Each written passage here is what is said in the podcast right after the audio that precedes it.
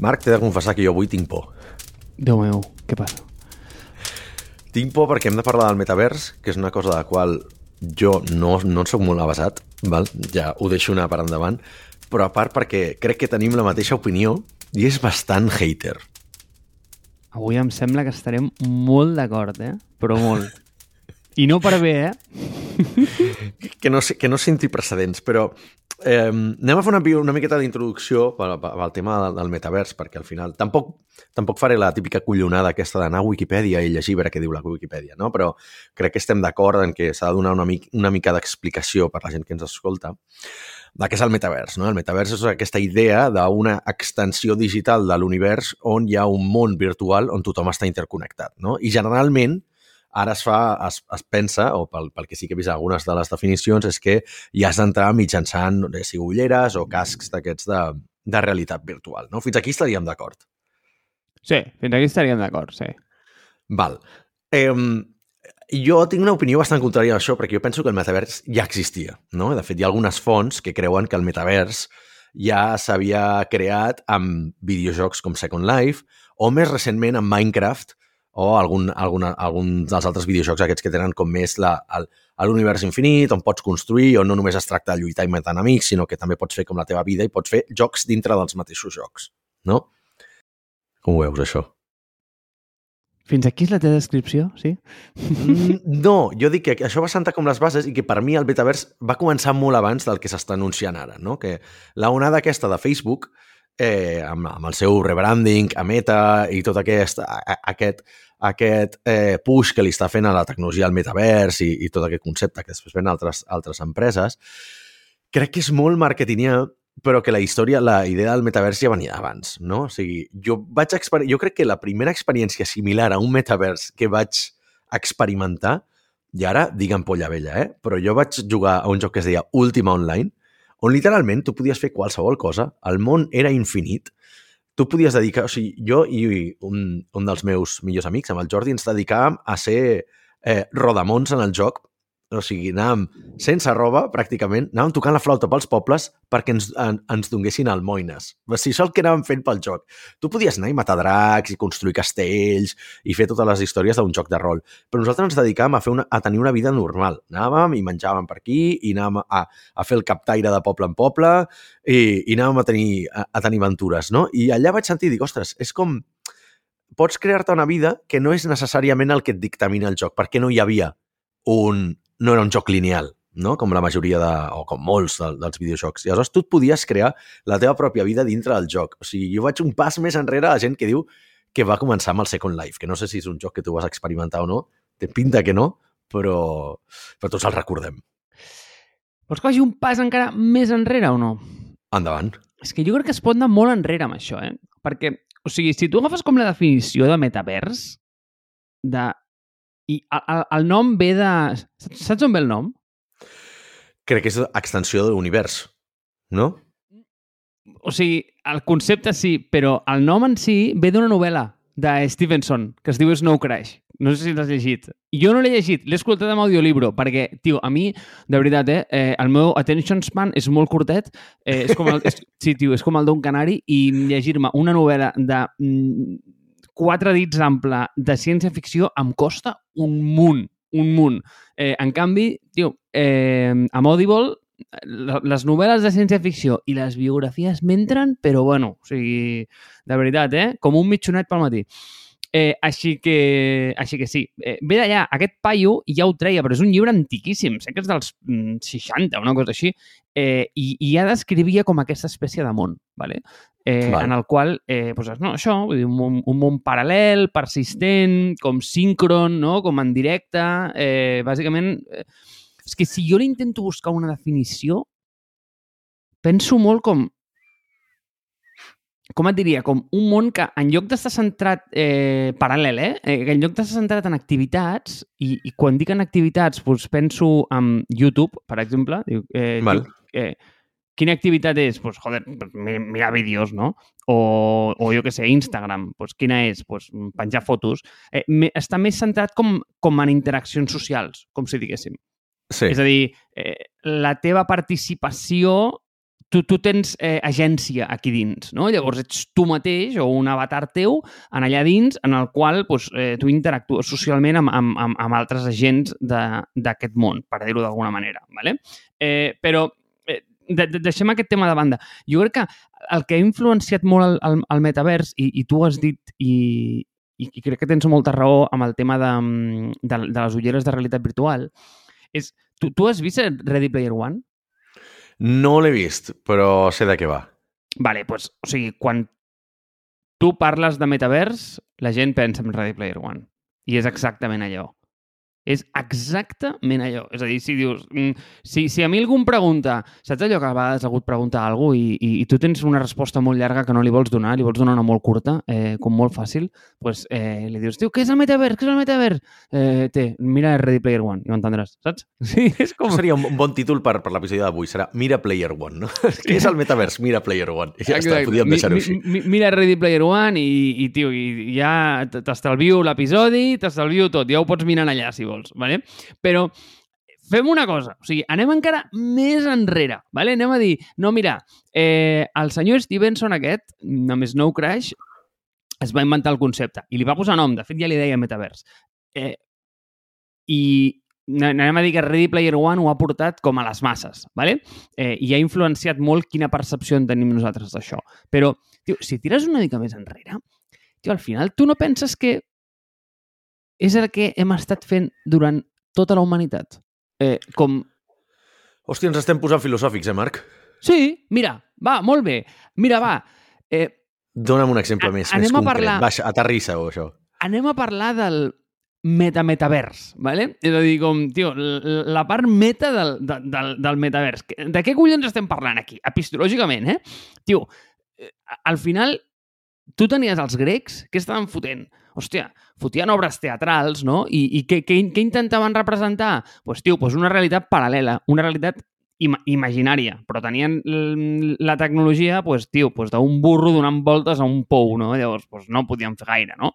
Eh, després, és clar, cony, a nivell... Després que hem fet, ostres, pues, ens hem inventat la cinematografia, que al final què estàs fent? Joder, estàs, estàs fent això? Estàs eh, portant en un món que no és el teu, no? Estàs intentant com eh, crear una realitat paral·lela eh, en la qual la gent es pot, es, es, es pot eh, immersar, immersir, no sé exactament, eh, submergir, submergir, submergir, eh, però d'una manera eh, bueno, pues, amb, amb el que dona la, la tecnologia. Després què tens? Tens Second Life, vale, bueno, mm, an anem avançant, no? Eh, i, I al final després, hosti, et poses les ulleres i dius, hòstia, estic en una realitat paral·lela, no? Però, clar, tu el que estàs veient és que cada vegada, com que no tens la definició del que és possible dintre de 30 anys, pues el que tens en el moment et sembla la. I segur que els grecs miraven aquella obra de teatre i es pensaven que estaven al metavers de, de collons. I ara mires Second Life, tio, i té uns píxels de, de, del tamany de taronges, saps o no?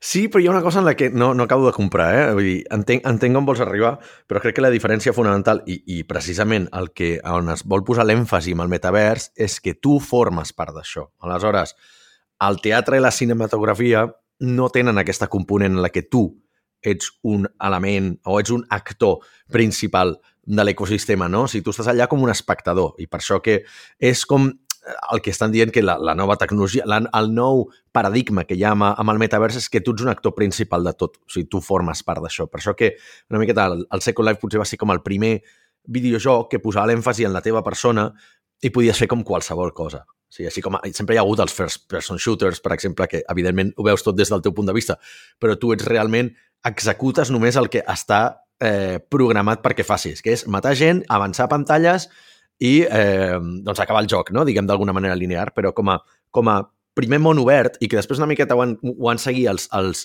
els, els jocs um, de rol massius, no? els Massive, uh, Massive Multiplayer Online Role-Playing Games, que em sembla que els MMORPGs, que és un, un, un acrònim d'aquests complicadíssims, eh, també ja van sentar també molt les bases de metavers, no? Aquesta de dir, bueno, doncs jo ara sóc un guerrer, però em dedico un temps només a anar buscar or i després dedico un temps a fer missions secundàries i ara torno a fer, ara vaig a fer raids amb aquest això, i una miqueta et donava més llibertat, no? Aleshores, jo, de la manera que m'ho estic imaginant ara, ja diràs, val, molt bé, però això són molt palles mentals, però com, eh, quina relació té això amb internet, no? Jo me'n recordo, si l'altre dia reflexionava sobre el tema del, del, del metavers, i me'n recordo, no sé si recordaràs tu un capítol de Futurama, que és boníssim, on van al passat i van a internet, val? N'has vist aquest episodi? No. Entren a internet, però per ells internet és un, una ciutat abandonada en la que hi ha edificis on cada edifici és com una pàgina web i aleshores veies, hi havia l'edifici com de, de YouTube, hi havia l'edifici de Google, hi havia l'edifici no sé què, però fonamentalment el 95% dels edificis eren porno, perquè és el que és internet, no? Bàsicament és tot porno i coses abandonades. Però que no hi havia ningú per allà. Aleshores, per mi això és el que és internet, la diferència entre internet i el metavers és aquest, que internet és com uns edificis que tu vas interactuant ara entro en el de Google, i ara entro en el de, el de l'esport, i ara entro a Twitter. Però tu no formes part d'aquest viatge, ningú et veu. Tu no pots interactuar amb l'altra gent que està visitant, diguem, a l'esport, està llegint a l'esport al mateix temps que tu, o està a Twitter al mateix temps que tu. I això és el que vol representar una miqueta el metavers, que si tu vas a llegir el teu Twitter o vas entrar a Twitter, puguis veure una representació física o virtual o hologràfica o un avatar de tota aquesta gent perquè està molt més centrada al concepte de comunitat. Ja no ets un individu que el teu passaport digital, diguem, la teva cookie, entra en una pàgina web, eh, el teu navegador fa una petició a, eh, a Reddit o a Google Drive o alguna història d'aquestes, i allò és... allò ets tu. En el metavers se li dona una física, se li dona una entitat física, un, un holograma, no? un avatar. Serà suficient o no? Jo crec que és una collonada, Marc. Potser ja podem obrir aquest meló. No, és, és, és interessant, eh? I, hòstia, ara anem a la collonada, que és la part que m'interessa. Però, eh... Miro d'una altra manera. O sigui, per què no penses que ara mateix, malgrat no tinguis aquestes superulleres de realitat virtual, tio, al final del dia, tu penses i, i dius, tio, si, si ja vius al metavers. O sigui, al final, mira, et lleves, ¿vale? I, tio, obres un, una pantalla amb un ordinador i et fots a treballar en un espai virtual on tot, absolutament tot, està en un ordinador d'un altre, o sigui, al núvol, ¿vale? eh, interactues amb altres persones eh, a través del teu Zoom, del teu Google Meet, del teu el que vulguis, i dius, ei, o sigui, la meva vida, on està?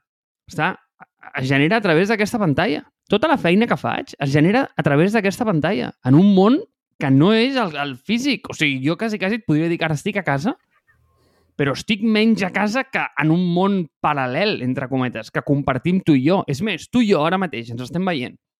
Bé, a on ens estem veient? A quin món ens estem veient? Bueno, i, i, i ho sento per posar-me com molt filosòfic, eh? però és que és la veritat. O sigui, eh, eh, ens estem veient a través d'un ordinador d'un altre eh, en un món o en una entelèquia diferent, perquè tu estàs a casa teva i jo estic a casa meva.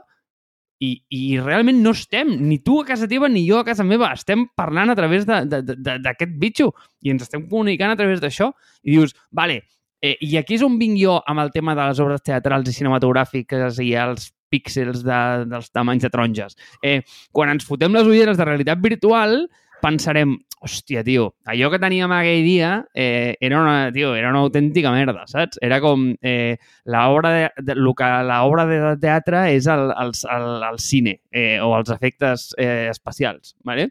Eh, o el que... M'ho invento, eh? El, no sé, eh, el Sims és el Second Life i no sé si un va abans que l'altre o no perquè van sortir una mica a la part. Però, eh, no sé, o sigui, és com hòstia, en realitat ja estem en allà. O sigui, si tu dius, hòstia, tu, tu, tu vius a casa teva? Pff, bueno, jo et diria que a 10 hores al dia visc a, a través d'una pantalla d'aquí de 27 pulgades eh, amb un producte que es diu Zoom i em connecto amb gent i parlo amb els, de, els 10 a la vegada. Saps o no? És que aquí va una miqueta la, la meva crítica, no? Eh, és a dir, quin és el cas d'ús que se li està donant al, al metavers de moment? El, el, per exemple, Facebook, que és que el gran, el gran evangelista de temes de metavers, van com bojos per, fer, per convertir que els meetings, les reunions d'empresa, es facin en, en representacions virtuals. Per què? Per, per una part són, eh, tenen dos motius molt clars. Un és, ells eh, volen, volen deixar de ser Facebook per passar a ser Meta, perquè tenen una sèrie d'escàndols que no se'ls acaben, és una manera de branding, és per retenir el talent que tenen, és perquè potser volen fer una aposta de cara, no sé, també els hi estaran anant bé a nivell d'accions de, d'empresa no? i performance a borsa.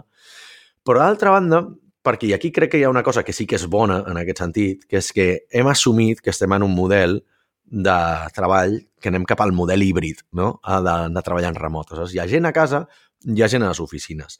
I els que treballem en, en entorns remots des d'abans de la pandèmia, ja sabem que el model híbrid, amb la tecnologia tal i com la tenim avui, no funciona. Val? O tu treballes 100% en remot o treballes en una oficina. Però les empreses que fan les dues coses crees una sèrie d'asimetries entre els treballadors que són molt complicades de gestionar. I és el que diem sempre als treballadors de primera classe i als de segona classe. I generalment, una empresa que té oficina, els treballadors que estan a oficina seran els treballadors de primera classe. Per què? Perquè no només es reuniran i potser de vegades, ostres, que no hem convidat els, els que estan en remot. Això seria bastant de tontos que passés, però el que acaba passant és que acaba la reunió, els que estan en remot es desconnecten i els que estan en persona continuen la reunió o surten de la, de, la, de la sala i van a fer un cafè, o es veuen per dinar i continuen amb la conversa que els de remot no poden. Per tant, els de remot acaben quedant en un segon pla. No? I crec que l'única cosa bona, l'únic cas d'ús que li estic trobant de moment al tema del metavers és poder solventar aquest tipus de coses. Val? I tot i així, crec que no ho acabes de solventar tot, perquè segurament et trobes el casc però el que passa que el que sí que solventarà és que no anirem, la gent que està en una oficina no anirà a una sala a fer les reunions, sinó que cadascú, com que estarà treballant des d'on vulgui, o inclús des del teu mateix ordinador, no aniràs a una sala i després sortiràs conjuntament amb els teus companys de la sala i que ells continuareu la conversa. S'eliminarà aquest post eh, aquest post reunió per sortir de la sala i seguir patant la xerrada i continuant la reunió i afegint nous ítems que els del remot ja s'han perdut perquè s'han desconnectat.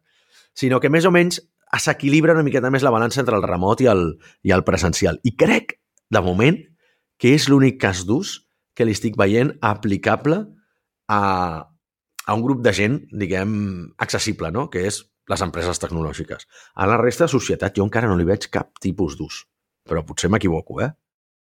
No, tio, però és interessant. Eh, jo crec que hi ha dues coses. La primera és, eh, ja t'ho vaig dir el, a l'episodi anterior, quan jo penso en tu, penso en el Tim Ferris català, però no només això, penso com... sí, eh, i no em cansaré de repetir-ho, penso com en un pioner del, del treball en remot i, i d'aquesta economia descentralitzada, eh, perquè sempre ho has abanderat moltíssim, i no sabia que tu també et trobaves amb aquest problema, pensar que tu això ho tenies ja superat ja. Eh, perquè nosaltres ens hi trobem molt i, i m'hi vaig trobar, bueno, i de fet quasi, quasi tota la meva vida, perquè en, en totes les companyies on, on, on he participat i he treballat eh, han tingut aquest model híbrid i mai he sabut resoldre bé aquesta, aquesta problemàtica. I jo pensava que tu sí que l'havies resolt, però ja veig que és... Eh, no, no, jo, nosaltres no la patim, perquè nosaltres no tenim oficines, aleshores no es dona aquest cas. Però, Però eh, l'he viscut a les meves anteriors empreses o en les reunions amb clients, per exemple. No? Aleshores, això sí que ho veig en les empreses o inclús en empreses en les que una miqueta doncs, he pogut estar ajudant a que, o aconsellant en temes de treballar en remot, d'organització mm, de projectes i d'equips, de comunicació, de sobretot durant l'inici de la pandèmia, ens va contactar moltes empreses perquè els poguéssim ajudar a fer una... Escolta, volem implantar el treball remot. Però bueno, crec que això és més carn d'un altre episodi, no? Però, sí, però el que volia sí, introduir sí. aquí és el, el tema aquest que dic, hòstia, al final perquè una tecnologia, ja sigui aquesta, ja siguin els patinets, ja sigui el, el streaming, ja sigui eh, la realitat augmentada, qualsevol d'aquestes tecnologies tenen hi ha un cicle de vida de l'adopció de tecnologia que, és, que va incrementant. Tens, els, tens els, els, els visionaris, que són els penjats aquests que es van comprar la Google Glass el, molt, molt, molt al principi, inclús abans que estigués a la venda, ja en tenien una perquè, bueno, saps, enxufes a Google, després tens els early birds, no? la gent que, que, que surt una cosa nova d'Apple, la compro, encara que no estigui ni tastejada, la compro a qualsevol preu.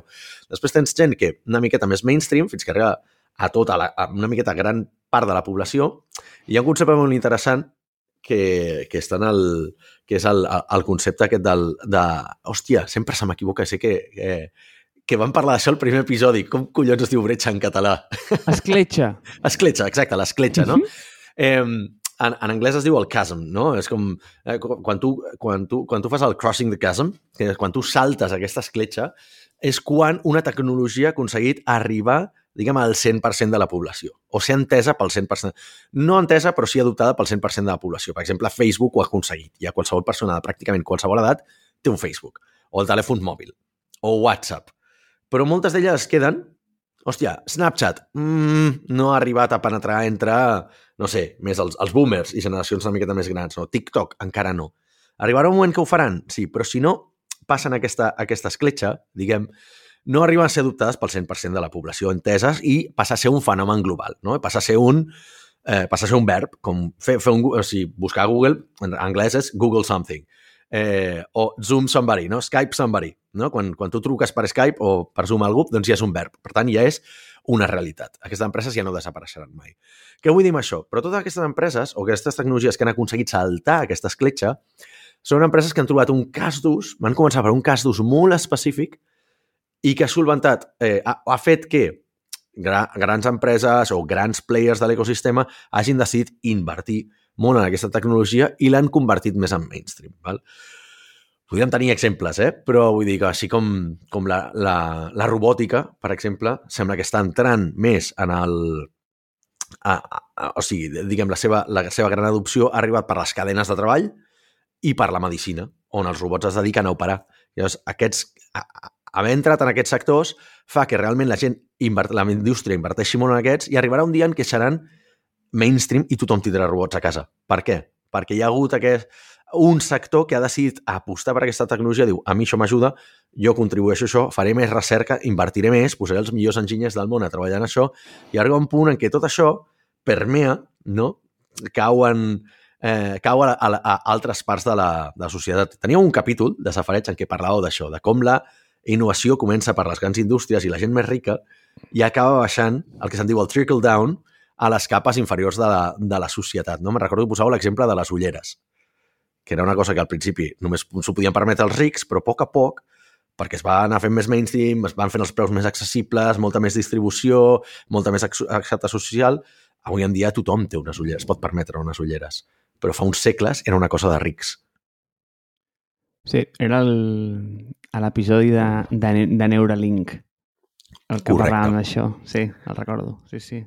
Eh, però fixa't una cosa, eh? I si vols et porto, encara que no l'has vist, a Ready Player One, i de nou, eh, jo tampoc he vist moltes pel·lícules, però aquesta sí que és una que et recomano, simplement per, per, per il·lustrar aquest concepte de, de, de metavers. O sigui, per posar-li, anem a dir, cara i ulls, d'alguna manera. Eh, el, el veus, perquè eh, veus la pel·lícula i veus el metavers, entens? Bueno, una, una interpretació o una visió d'ell, no? Eh, a mi el que m'entristeix moltíssim d'aquesta pel·lícula i és el que em posa de, de molt mal humor, i aquest és el punt que, que jo crec que estarem igual eh, bastant d'acord, és el... O sigui, em dius, quin és el cas d'ús d'aquell metavers? Doncs pues, mira, si a mi em preguntes, el cas d'ús d'aquell metavers és que el món real que existeix és tan fastigós que... Sí, sí, sí, sí. sí. El món o sigui, real o el món que es ve al, al metavers? El real, el real, el real. Val. O sigui, el, la realitat que experimenta la gent eh, ha passat a ser tan fastigosa que ha sortit més a compte crear un món nou que arreglar el que ja tenien. I ells, bàsicament, entren allà dins per abstreure's d'una realitat de penúries i, i de, bueno, doncs, tio, un món que ja ha arribat a un punt que ja no es pot arreglar. I, i sincerament, a mi eh, em preguntes i et diria, nen, el cas d'ús cap on anem és aquest. O sigui, el de... Mm, en, bueno, ens estem carregant el món en, en diferents àmbits, eh? eh? En el panorama social, en el panorama polític, eh, en el, eh, inclús, tio, en el panorama ambiental. Eh, i, crec que, I crec que és molt, molt, molt important i té, i té molta, molta, molta rellevància.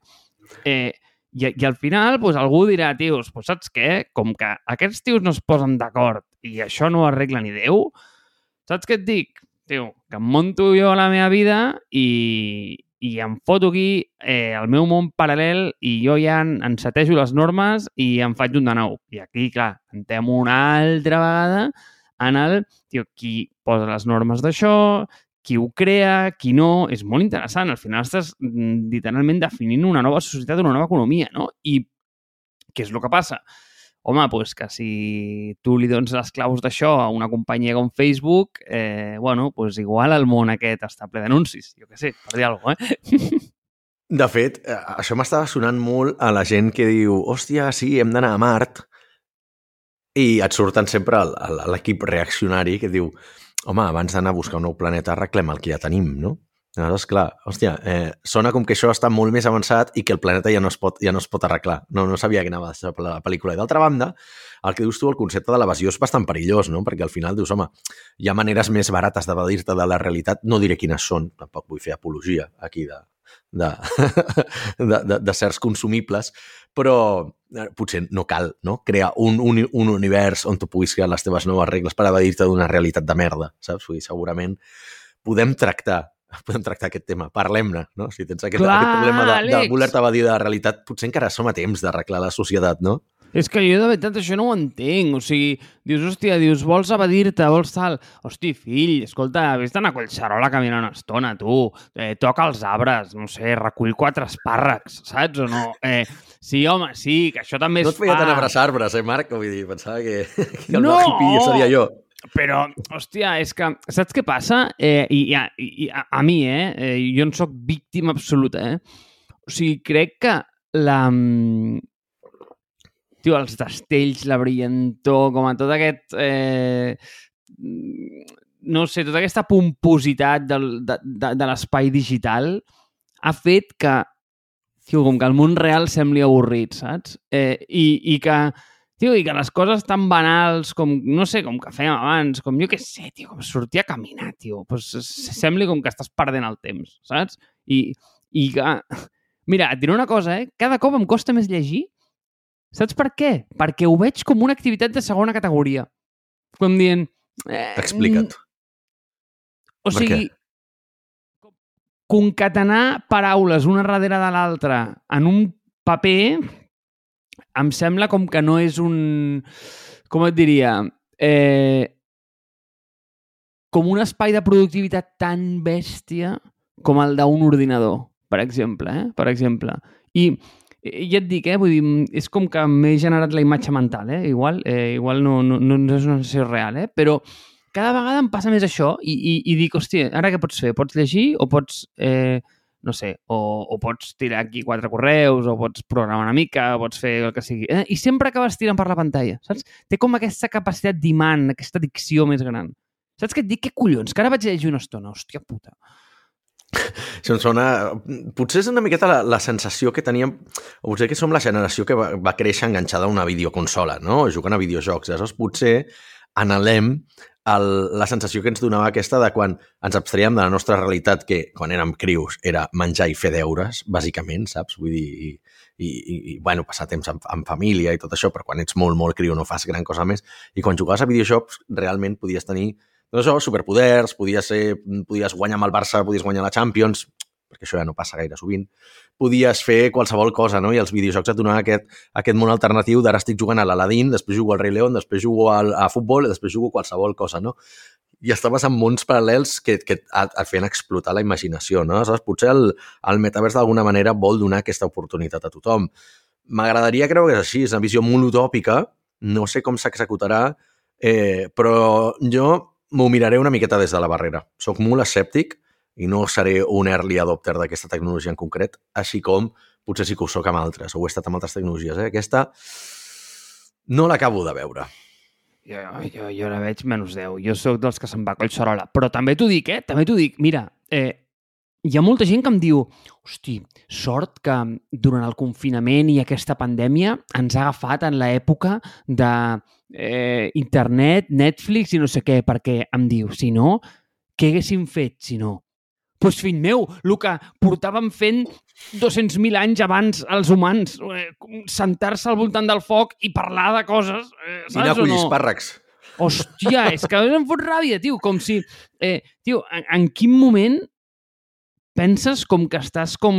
Eh, no ho sé, com que dones per garantida certa tecnologia que fa 10 minuts que sabies que existeix, saps? O sigui, en quin moment És a dir, en quin moment tu creus que el confinament no hagués sigut exactament el mateix si no haguéssim tingut Netflix o, o internet o el que sigui. Tio, hagués sigut el mateix perquè no haguessis sabut que existia. O sigui, és com... I dius, què haguessis Exacte. fet? Però tu què et penses que feien durant 200.000 anys eh, els homo sapiens eh, que no tenien ordinadors? Doncs, pues, joder, pues, pues, pues, què és el que feien? Pues, pues parlar, collons, això és el que feien. Eh, tocar-se entre ells, això és el que feien. No sé, estic Doncs- enfadat, Àlex, estic enfadat. Et veig molt crispat, eh? I de fet has, has, Oh. has donat peu a un tema que crec que podria ser el tema del proper episodi i així re recobrem la dinàmica aquesta d'anar introduint el proper episodi des de, des de l'episodi actual, que crec que la dependència aquesta de tecnològica o la- l'assumpció de, que, de que la tecnologia és com el que ens farà lliures, mm, Oh, no ho sé. Vull dir, jo també sóc bastant... Tinc opinions bastant fortes al respecte, però què et sembla si la deixem pel següent? Vinga, el següent es diu La tecnologia ens farà lliures, m'agrada. Vinga, va, t'ho compro.